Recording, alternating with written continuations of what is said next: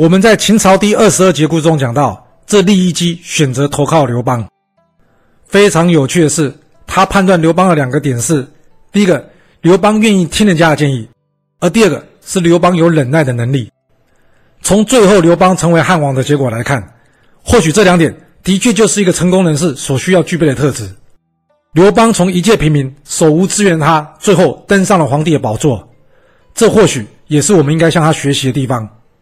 历史刻画着人性，了解历史，或许我们就能用不同的观点去判断事情。您说是吧？